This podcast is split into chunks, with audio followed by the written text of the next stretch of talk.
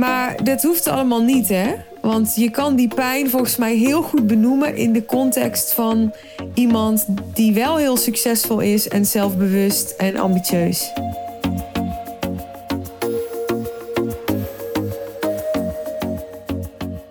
Als ik voor elke keer dat ik gehoord heb in mijn business coach carrière een euro had gekregen voor de opmerking: ja, maar ik wil niet mijn klanten aantrekken op uh, pijn en uh, ja, tekort en zo. Dan uh, was ik miljonair geweest. Nee, dat niet. Maar dan had ik wel leuk uit eten kunnen gaan. Ja, ik heb zo vaak gehoord dat ondernemers niet mensen willen aantrekken met een boodschap waarop ze de pijn triggeren van hun doelgroep. Dat ze ehm, eigenlijk überhaupt geen niche willen kiezen die gericht is op pijn. Ze willen mensen met hun verlangen helpen. Mensen die ambitie hebben, die honger hebben, die willen groeien. Die worden aangetrokken doordat ze iets willen, niet doordat ze nu iets missen. Doordat ze ergens van weg willen bewegen. En dat zijn voornamelijk vrouwen, is mijn ervaring, die die weerstand hebben tegen op pijn gerichte marketing soms ook wel vrouwen die ook wel mannen hebben als doelgroep.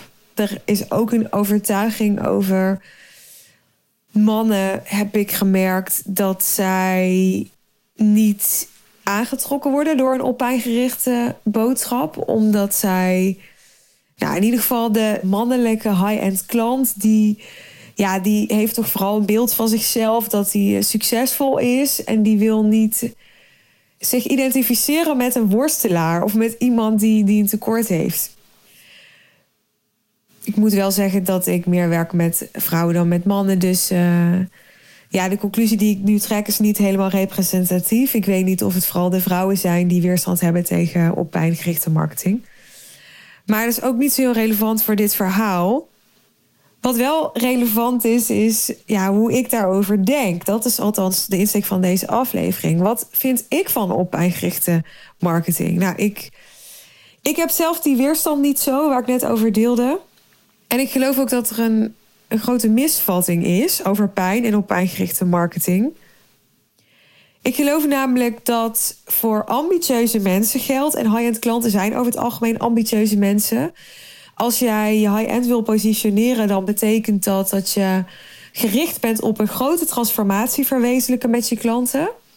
En wanneer er ambitie is bij je klant, dan is er ook altijd een vorm van pijn.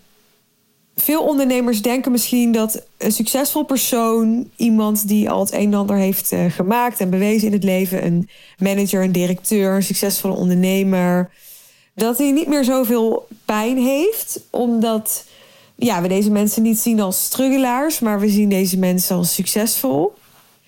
En ja, dat is gewoon helemaal niet waar, dat idee. Want juist mensen die succesvol zijn, zijn ook mensen die wat te verliezen hebben, bij wie er wat op het spel staat. Waardoor de pijn alleen maar groter kan zijn. Hoe groter het verlies kan zijn, hoe groter de pijn ook gaat zijn. Dus er is al meer reputatie opgebouwd daarmee ook meer nou ja, angst voor het verlies van die reputatie, maar ook meer risico op schade, op uh, terugval, op pijn. En het maakt niet uit of dat het iemand is die succesvol is financieel, of dat het iemand is die uh, misschien qua sportprestaties heel succesvol is. Dus het gaat hier om verschillende niches, om verschillende type doelgroepen. Maar voor allemaal geldt dat er echt ook wel pijn is. En misschien zeg jij, ja, maar mijn doelgroep die zegt vaak nee, maar het gaat allemaal eigenlijk heel goed. En nou, dat is super fijn, maar geloof mij maar dat er altijd een laag onder zit. Er is altijd een laag dieper waarbij iemand echt wel pijn of, of ja, soms is misschien pijn een te groot woord, maar ja, waarbij er altijd itchiness is, altijd een emotie is rondom iets wat wat er nu niet is en wat iemand wel graag zou willen. Daar komt het op neer. Want oppervlakkig zijn sterke, succesvolle, interessante klanten. Natuurlijk niet de mensen die de hele dag uh, over het algemeen in een hoekje zitten te huilen of bang zitten te zijn. Maar ik leerde ooit van Jan Geurts dat wij bijvoorbeeld als mensen allemaal bang zijn voor de dood. Hoewel ik zelf daar helemaal niet zo bewust mee leef met angst voor de dood. Ik denk altijd, nou wel lekker rustig, lijkt mij, dood. En toch schijnt het zo te zijn dat we allemaal bewust of onbewust bang zijn voor de dood. En dat geeft al aan dat we dus ook allemaal bewust of onbewust ja, zekere pijn met ons meedragen. En er zal echt wel verschil in zitten. En natuurlijk, er is ook een categorie mensen die verlicht is en die echt helemaal niet meer lijdt. Maar nou, laten we er voor gemak even van uitgaan dat dat voor 99,9% van jouw doelgroep niet het geval is. Dus de pijn van ambitieuze mensen zit hem in onvervulde ambitie. Het zit hem niet in het lukt allemaal niet. Ik kan het allemaal niet. Ik ga het nooit maken in het leven. Maar het zit hem in dat ze ambitieus zijn. Dat ze grootste verlangens hebben, durven te dromen. En ehm, het feit dat jij met ze in gesprek bent nu, ja, is daar ook wel een bewijs voor. Althans, je bent niet nu met ze in gesprek, je bent nu mijn podcast aan het luisteren, maar je begrijpt wat ik bedoel. dus het feit dat, dat jullie in een sales call zitten met elkaar, of dat het je doelgroep is en dat jij dus toegevoegde waarde te leveren hebt aan die mensen, ja, geeft al aan dat, dat er nog verlangen of ambitie is. Want anders resoneerde jij helemaal niet bij hen. Nou, verder geloof ik niet zo in het niet aan willen spreken van pijn, omdat ik denk, en ja, ik ga hier nu misschien uh, mensen tegen het cerebeen aan schoppen. Maar ja, ik denk dat, dat in extreme vorm dat ook naar een soort spiritual bypassing kan neigen. Waarbij je, waarbij je eigenlijk geen oog wil hebben voor de schaduwkanten van het leven. Want pijn hoort er gewoon bij. En zoals verlangen de emotie raakt van jouw doelgroep, raakt pijn ook de emotie van jouw doelgroep. En zeggen, ja, ik wil wel het licht, maar niet het donker. Ja, dat, dat is een beetje als, als willen zeggen, ja, ik wil wel uh, de yin en niet de yang. Of is het andersom? Nou, I don't know. Maar is dat wat ik bedoel? He, dus die twee horen gewoon bij elkaar. Ik denk dat wanneer jij pijn niet wil benoemen, omdat je bijvoorbeeld bang bent om dan manipulatief te zijn, om mensen te laten resoneren op een soort kwetsbaarheid. Ja, ik denk als je dat echt denkt, dan, dan heb je volgens mij een ander probleem. Namelijk dat je je op een, een soort zwakke, te kwetsbare doelgroep richt. Die je onvoldoende ja, ziet als, als hele krachtige en welbewuste mensen. En ja, ik chargeer een beetje, maar goed, als ik elke zin moet nuanceren, dan uh, wordt het echt een heel langdradige podcast. Ik wil maar zeggen, als jij je richt op, op zo'n high-end klant, zo'n succesvolle, krachtige, veerkrachtige klant. Ja, waarom denk je dan dat je ze ergens voor moet beschermen door het alleen maar over het licht te hebben en niet over het donker? Want ik denk dat dat toch heel vaak onder de overtuiging zit dat, uh, dat het ethischer is of zo. Want ja, daar gaat het in mijn beleving vaak over om mensen aan te spreken op hun verlangen. En misschien gaat het niet altijd over ethischer, gaat het ook over de angst, toch? Dat als je je op de pijnpunten richt van je doelgroep, dat je dan mensen aantrekt die je niet als klant wil, omdat die misschien zich juist wel identificeren met een struggelaar. En ja, zichzelf juist nog niet zo succesvol achten of nog een tekort hebben aan vertrouwen in henzelf. Maar dat hoeft allemaal niet, hè? Want je kan die pijn volgens mij heel goed benoemen in de context van iemand die wel heel succesvol is en zelfbewust en ambitieus.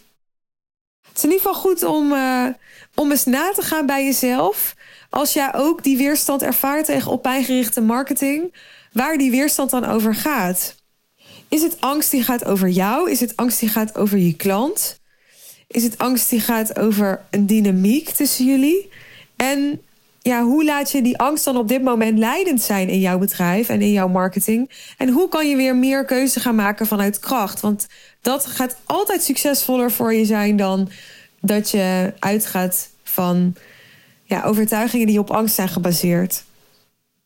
Wat natuurlijk ook al meespelen hier in zo'n situatie is dat, dat jij jezelf er wel eens ingeluisterd hebt gevoeld doordat iemand heel erg jou, jou triggerde op een pijn. Waardoor je misschien zelf wel het gevoel hebt dat je, dat je in een soort aanbod of programma bent gemanipuleerd. Hè? Dat kan.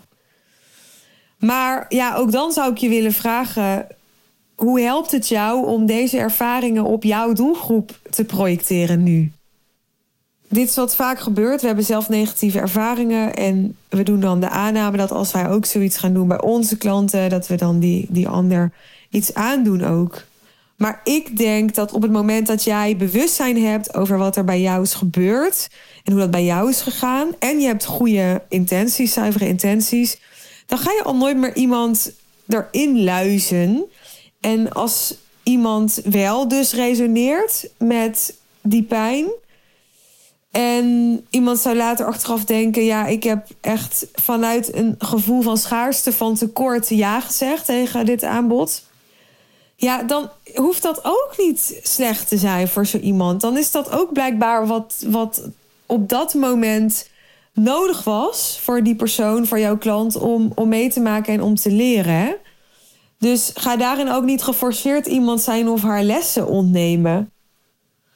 Nou ja, ik denk dat ik hiermee wel een, uh, een antwoord heb gegeven op de vraag hoe ik kijk naar op pijngerichte marketing. Ik denk dat, dat om nog even één stap verder te gaan, dat het heel impactvol en daarmee juist heel puur kan zijn om wel die pijn te benoemen. Omdat heel veel mensen pijn uit de weg gaan vanuit ongemak. Heel veel ondernemers dus ook met hun marketing de pijn uit de weg willen gaan. Hè, daar gaat deze aflevering over. En als jij bereid bent om over dat ongemak heen te stappen en iemand te raken, ook al doet het pijn, ja, dan kan dat zomaar betekenen dat dat juist heeft gemaakt dat jij life-changing impact hebt op iemand. Want doordat die persoon geraakt wordt in zijn of haar pijn, gaat hij misschien wel in actie komen. En dat kan heel goed net zijn wat hij of zij nodig had. Ik ben benieuwd hoe jij hier tegenaan kijkt. Als je wil eh, meepraten over dit onderwerp, dan uh, slide gerust in mijn uh, DM's. Ik ben benieuwd. Mijn Insta kun je vinden in de show notes als je me nog niet volgde. En um, nou, over volgen gesproken, je weet het, vergeet niet mijn podcast te volgen als je nog niet hebt gedaan. Tenzij dit aflevering, de eerste aflevering is die je luistert, dan weet je dat niet. Ik hoop dat je de volgende aflevering er gewoon weer bij bent. Mooie dag, avond of nacht en ciao!